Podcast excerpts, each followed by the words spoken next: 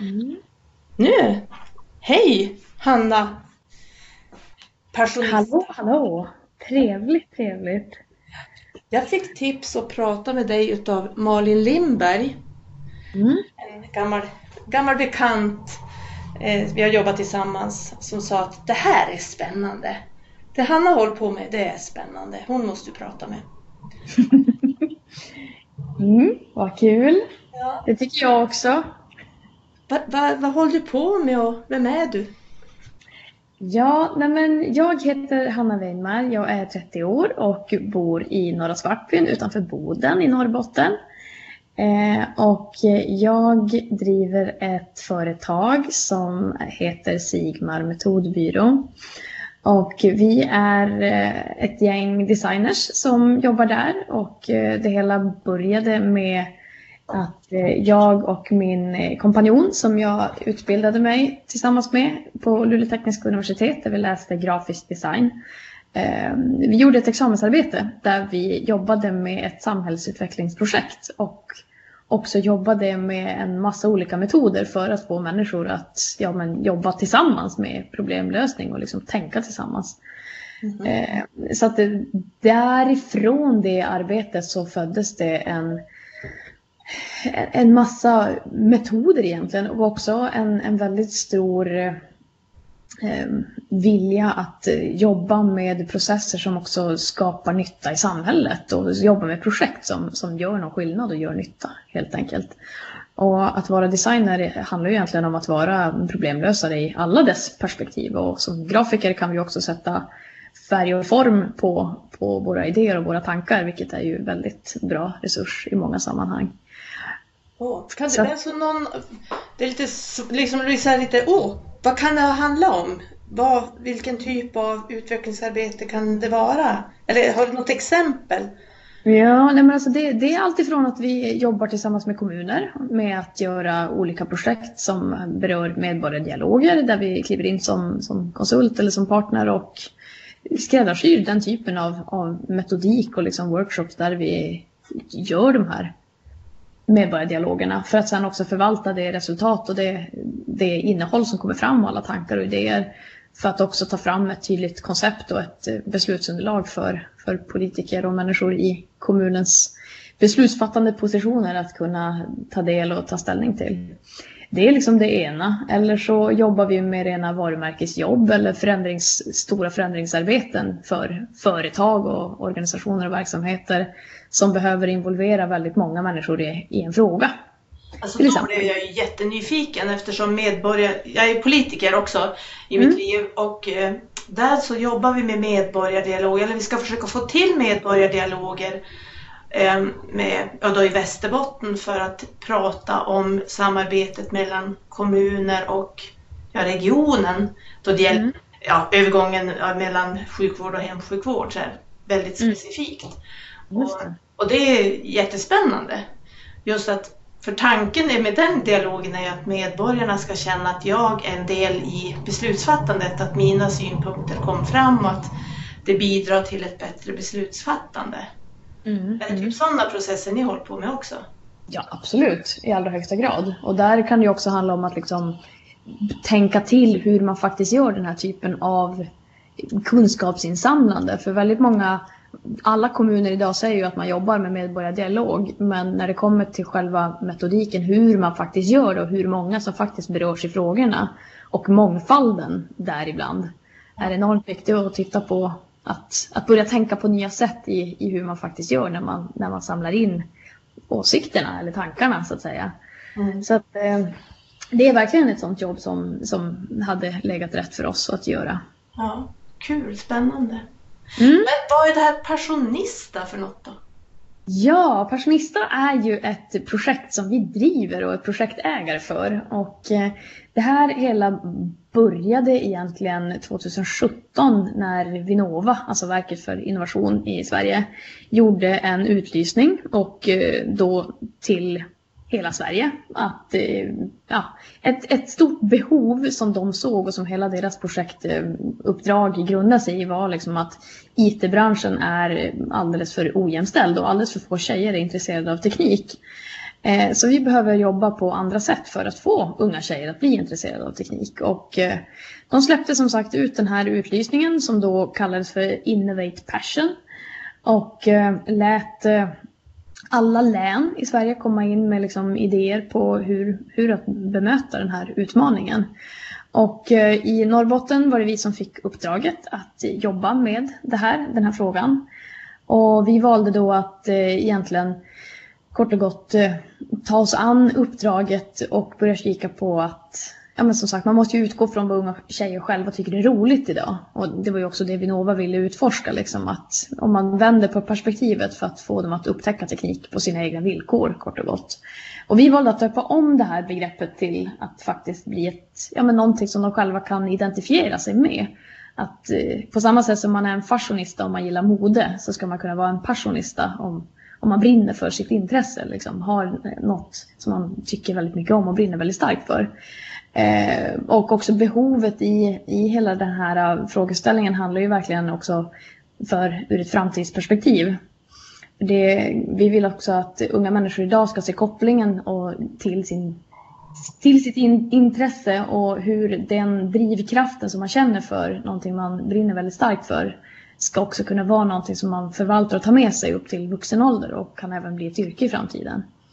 Och där teknik snarare är liksom en möjliggörande faktor och ett verktyg som man kan använda sig av. Och det här är ju i synnerhet väldigt angeläget idag eftersom den digitalisering som sker och teknikens utveckling sker ju liksom i extremt hög takt. Så att det, det är snarare ett, ett måste att börja hantera den här typen av, av frågeställningar och möjliggörande av kapacitet. Spännande. Vad, vad, vad, alltså jag tänkt, men om du har några exempel på den och den i Älvsbyn eller i Piteå eller i Luleå. Vad, vad har det kommit fram? Vad är det för personer, intresseområden? Vad är det för någonting de här unga kvinnorna verkligen har haft passion för? Alltså det är ju så otroligt mycket olika grejer och det är det här som är så himla spännande med det här projektet. Så att eh, från det första året när vi gjorde det här då på uppdrag av Vinnova så skulle det liksom landa ut i till att jag, jag svarar på lite olika frågor i olika ordningar. Så jag kommer till det du frågade om. Ja. Eh, men det, det första projektuppdraget handlade om var liksom att skapa ett event egentligen och där kom också metodiken in i hur att, hur att få de här unga tjejerna att faktiskt praktiskt börja jobba med frågan. Eh, och det här var ett ganska kort uppdrag som eh, pågick un, ungefär i fyra månader där vi tog fram typ en, en modell och en metod för hur man faktiskt skapar den här arenan och kontexten där man faktiskt praktiskt börjar jobba med, med frågeställningarna och gå från idé till verkstad kort och gott. Eh, och det här var någonting också Vinnova tyckte var ett bra sätt att göra det på och även det kommunikativa budskapet i att kunna jobba med sociala medier och liksom rent viralt sprida ett fenomen som vad Passionista är och visa på förebilder också med tjejer som jobbar med teknik på olika sätt eller ja, goda förebilder till vad man också kan bli. Eh, så att vi fick pris av Vinnova och även fortsatt finansiering för att fortsätta driva det här projektet. Eh, så att det är också det vi har nu påbörjat under hösten 2018. Och eh, det vi kommer göra nu i ett år under ja, 2018-2019 är att eh, göra en pilot på den här piloten som vi kallar det. Och med det sagt skalar vi upp det konceptet för eventet och metodiken som vi tog fram under Passionistas första projektomgång för att göra nu då under 2018-2019. Och vi kommer att åka ut till länet och träffa ungdomar, unga tjejer mellan 9 och 18 år. Mm. Okay. Och som sagt, vad det kan vara för intressen. Det är liksom allt ifrån hästar till mode, till fotboll, till hockey, till hemvärnet, till konst, till fotografering och slalom och musik och allt däremellan. Mm. Jag pratade med två tjejer i Lycksele som gick eh, på gymnasiet, Tamberskolan, som hade startat UF-företag, Schysstare mm. UF, som mm. jobbar med hat och hot på nätet och bli en bättre människa på nätet. Och de Ja, det var så jätteintressant att höra liksom deras bild av att den, eh, det, de, det de har kunskap om har inte föräldrar och lärare kunskap om. Mm. Jag tänkte det här var ju så klockrent viktigt område att jobba med. Ja. Eh, så spännande att se vad, vad det kommer att bli i fortsättningen utav det. Men jag tänker också det här med eh, de, jag träffade några tjejer igår i Unga kvinnor i Storuman som pratade mycket om det här att eh, de hade studerat i Umeå. I Umeå kunde man inte riktigt vara sig själv på det sättet. Man var tvungen att liksom upp, vara någon sorts, upp, ja, nå någon norm med hur man skulle se ut och hur man skulle klä sig och hur man skulle bete sig. Medan man i Storuman fick vara den man, den man är. Det är inte samma eh, krav på att vara någonting utifrån en norm. Är det någonting som du också möter i det här jobbet? Ja, och i allra högsta grad när det kommer till teknik. För där märker vi också med all den, all den omvärldsbevakning och den på något sätt, forskning som finns idag handlar ju mycket om att det finns någon typ av begränsande samhällsnorm om vem som är teknisk och vem som på något sätt det är tillåtet att vara teknisk eller ens associera sig själv med att vara teknisk. Mm. Och det här är ju någonting som, som egentligen, vi lever ju i någon form av arv från tidigare generationers tänk på vad en ingenjör är och också associerade en ingenjör som den enda i på något sätt en branschexpertis som, är en, som jobbar med teknik. Mm. Och ser vi egentligen det som har hänt bara de senaste 20 åren i form av att vi är viralt uppkopplade eller liksom digitalt uppkopplade överallt och 90 procent av vår befolkning har en smartphone och i, i sig är tekniska konsumenter dagligen oavsett om du är två år gammal eller 95 år gammal. Så det här har ju också gjort att vi alla använder teknik. Vi alla är tekniska problemlösare på ett eller annat sätt. Mm. Och eh, vi står ju också inför en enorm kunskapsbehov och en kompetensförsörjningsbrist där det kommer krävas en helt ny typ av yrkeskompetenser och kunskapskompetenser i mängder av olika sammanhang. Just för att väldigt många utav morgondagens jobb kommer ju ersättas i form av nya, nya typer av digitala och tekniska lösningar. Mm. Så att det finns verkligen mycket att göra när det kommer till att bara ifrågasätta och börja bryta upp en, en väldigt förlegad samhällsnorm som exkluderar många människor till att känna att man är faktiskt teknisk. Ja. Men jag tänker också på att det finns någon sorts tilltro till just unga kvinnor, att det är de som ska jobba inom äldreomsorg och omsorg. Och att jag funderar rätt mycket på just det, att är det någonting som gör att man som ung eh, tjej känner att nej, det är inte min grej, jag flyttar någon annanstans där jag kan få göra min grej. Eh, för förväntningen här hemma i inlandskommunen är att jag ska jobba inom eh, vård eller omsorg. Är det mm. någonting som du ser i det här jobbet eller är det bara min tanke? Nej, men, och det är ju superintressant. Jag tror också att där har vi mängder med nya möjligheter idag just för att vi har ett kommunikativt landskap som når ut och också kan nå ut överallt med, med egentligen ett nationellt perspektiv och ett nationellt synsätt. Mm. Men det gör ju också att vi har ju möjlighet att egentligen förverkliga, alltså ett självförverkligande och alla människor har helt plötsligt möjligheten att kunna förverkliga sig själv egentligen nästan vart som helst så länge man har en digital uppkoppling. Ja. På ett helt nytt sätt och också inspireras och om, om, vad säger man, omslutas av goda förebilder som också visar att, att saker och ting är möjligt oavsett vilka rena förutsättningar du sitter själv på, alltså i en liten ort eller liten by i mm. inlandet där det kanske inte finns liksom storstäder och storstädernas möjligheter med, med universitet och butiker och liksom samma typer av kluster med det sätt. Men du kan ändå nästan leva i en global arbetsmarknad. Ja, ja det är så. Eh, mitt första avsnitt i den här podden intervjuade jag Sara eh, Idenfors som har varit företagare, återfallsentreprenör kallar hon sig för, sen hon började spik när hon var liten till sin morfar. Eh, och sålde på julottan. Men till att idag driva flera olika företag i inlandet. Och det var ett jätteintressant samtal. Och jag kan ju se att de här exemplen pluppa upp liksom i min omgivning. Eh, alltså företag som bygger på det man själv skapar och att det är väldigt att de som gör det till stor del är just unga kvinnor som väljer en annan livsstil.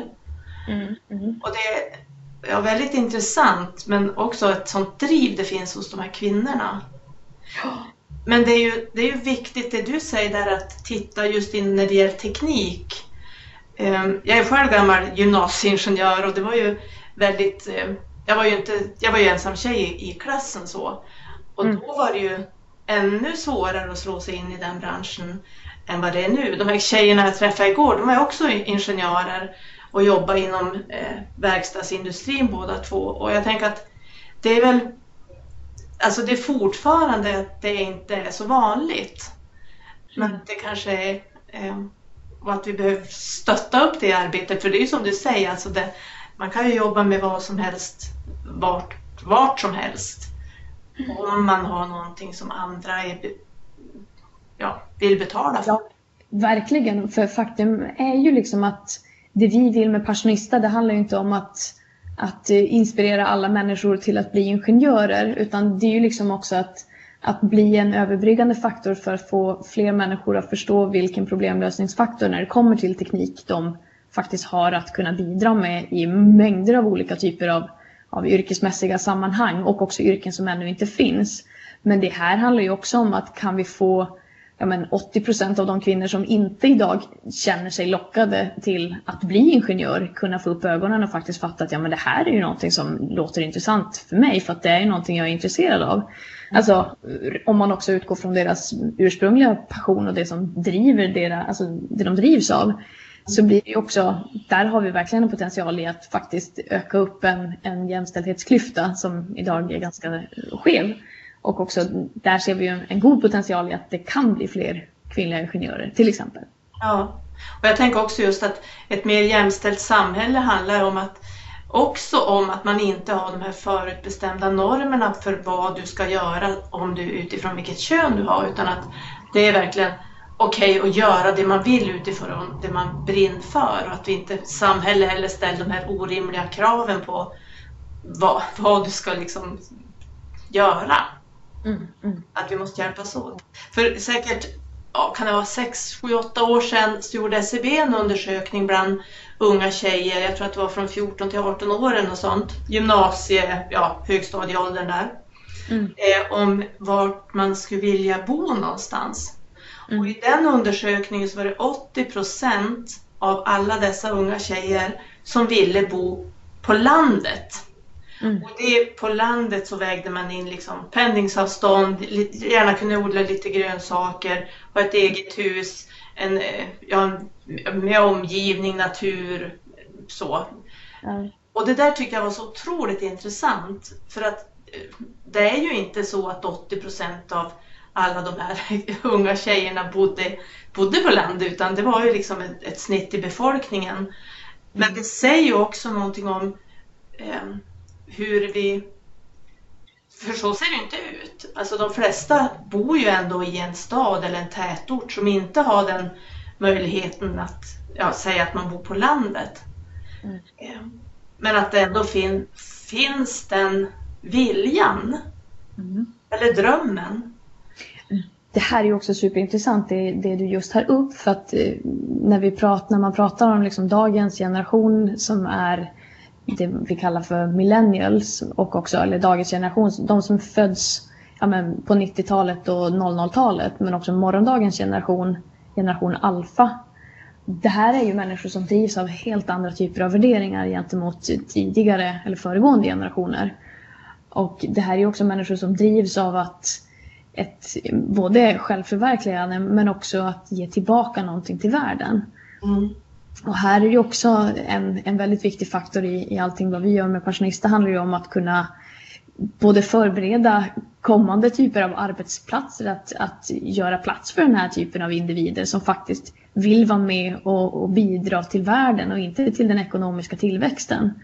Och som också känner att man vill göra skillnad på olika sätt. Mm. Och där livsfaktorn och liksom, inte minst miljön för att det, det jag tycker Greta Thunberg är ju ett väldigt bra exempel på en person som, som vill ge tillbaka någonting till världen och som är ett bra exempel på den här eh, generationen.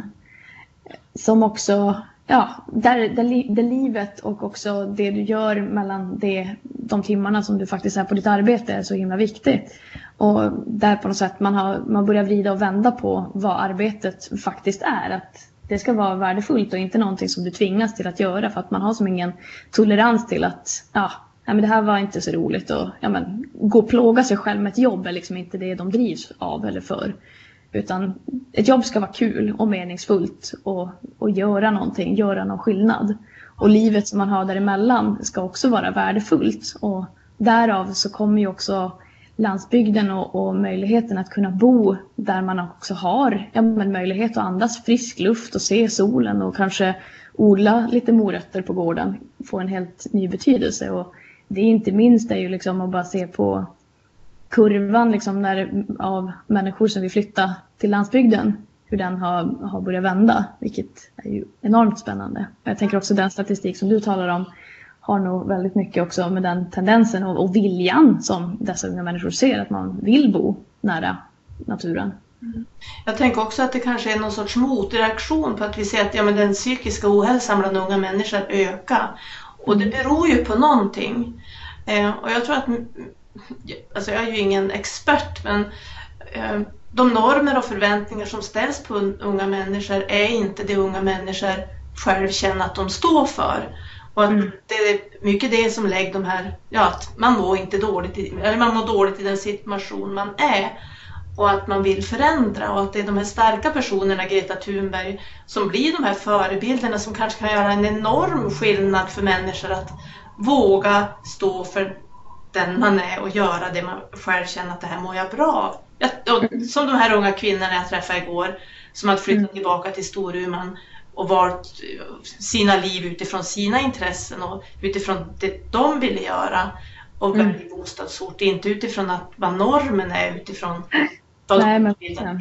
Ja. Vad fantastiskt. Det här är ju personer som vi måste förvalta i pensionistasammanhang också och, och få göra som inspiratörer. För det är ju precis det det, det handlar om. Att liksom låta det man själv drivs av och tycker är viktigt eller brinner för, låta vara motorn i det man också sysselsätter sig med. Ja, det är ju väldigt... fler, fler värden i, ja. i det livet. Ja, verkligen. verkligen. Ja, ja, men inte minst när det kommer till psykisk ohälsa också. Ja. Mm. Spännande. Men mm. vad är det för någonting som du har framför dig just nu då? Vad är det som ligger i pipen för pensionista-projektet? Ni ska ja. träffa folk sa du? Ja men precis. Nu under maj månad så kommer vi åka ut på turné där vi kommer åka besöka Kiruna, Gällivare och Övertorne. Och där kommer vi träffa en massa tjejer som eh, ja, på ett eller annat sätt har ett intresse som de brinner väldigt starkt för. Och eh, där vi kommer jobba med dem i lite olika workshops och där de också kommer få jobba fram en idé som de sen kommer kunna söka sig till en typ av sommarlovsentreprenör program med. Så det blir väldigt spännande och framförallt i Kiruna och Gällivare som, som kommer koppla på den här sommarlovsentreprenörskonceptet. Eh, så kan de ju verkligen gå från idé till handling under, ja, där vi också hjälper dem som en stöttning och eh, med, med verktyg och metoder för att hjälpa dem framåt också. Mm.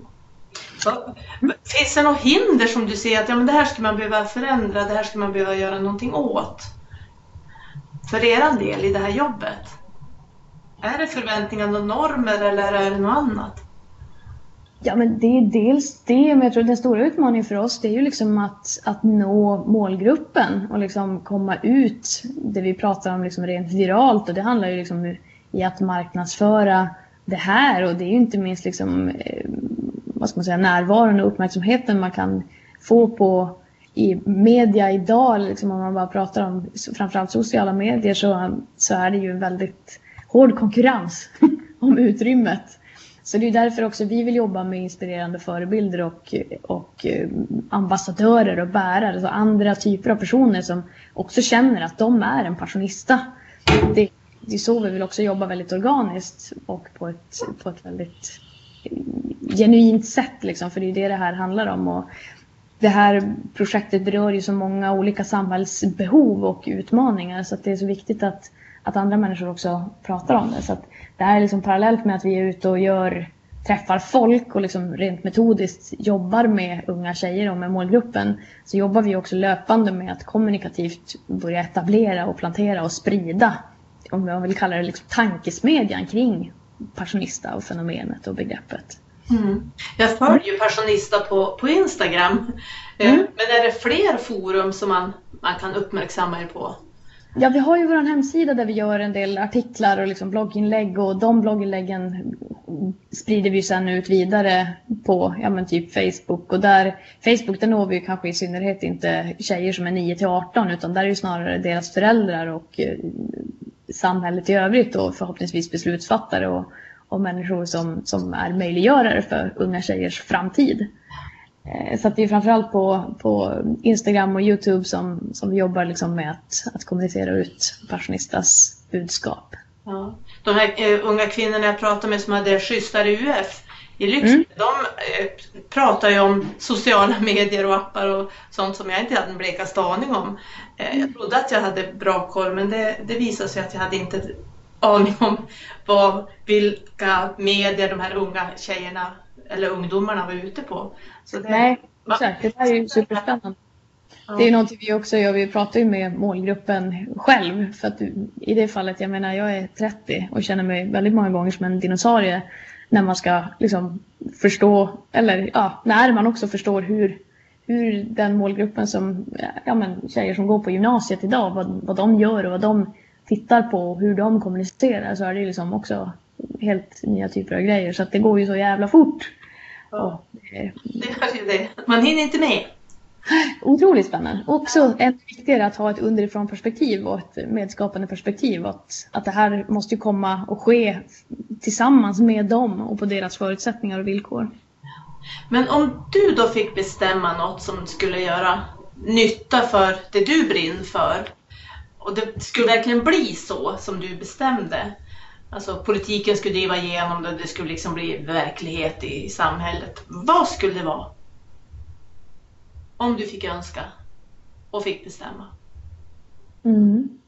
Då skulle ju passionista vara ett skolämne. Ja, just det. Som också en överbryggande faktor, alltså att jobba med entreprenörskap i skolan, jättebra och det är något som uppmärksammas på många håll. Att man jobbar med ung företagsamhet och liksom UF-konceptet är ju fantastiskt på jättemånga sätt.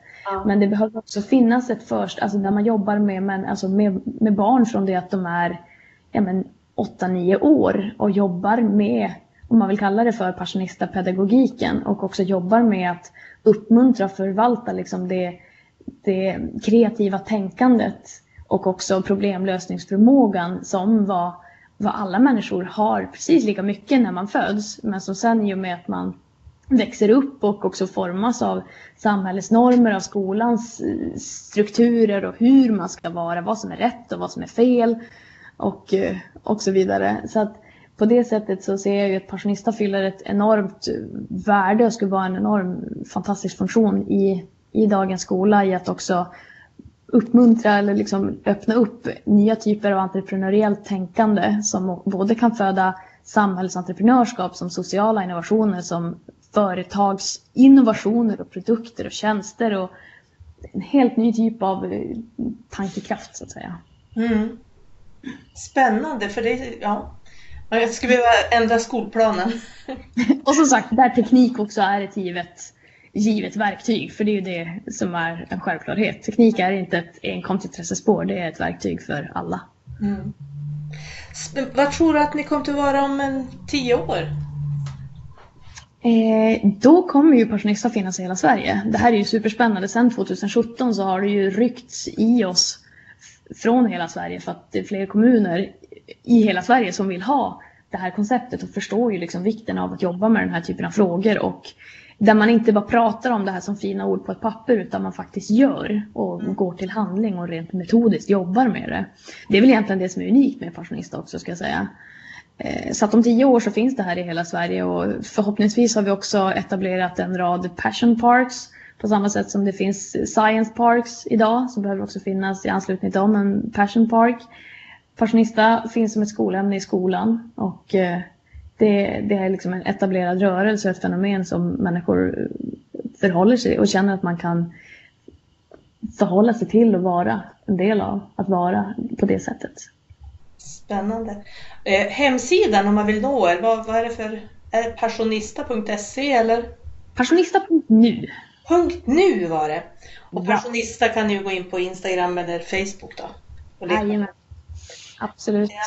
Hanna Weinmar, jag tror inte vi sa vad du hette ens en gång vi började. Det är ingen ord. Du har ett sånt där tyskt uttal också så att vi brukar nog säga Weinmar. Weimar, okej. Okay. Ingen fara. Vem tyckte att jag ska prata med? Um... Jag tycker att du ska prata med Anna Thomas som driver ett, eh, en organisation som heter Fenomenala. Och där hon jobbar med fenomenala barn och barn som har en helt annan typ av förutsättningar och utmaningar när de är, är små och kanske behöver extra stöd i sin skola och sina myndigheter.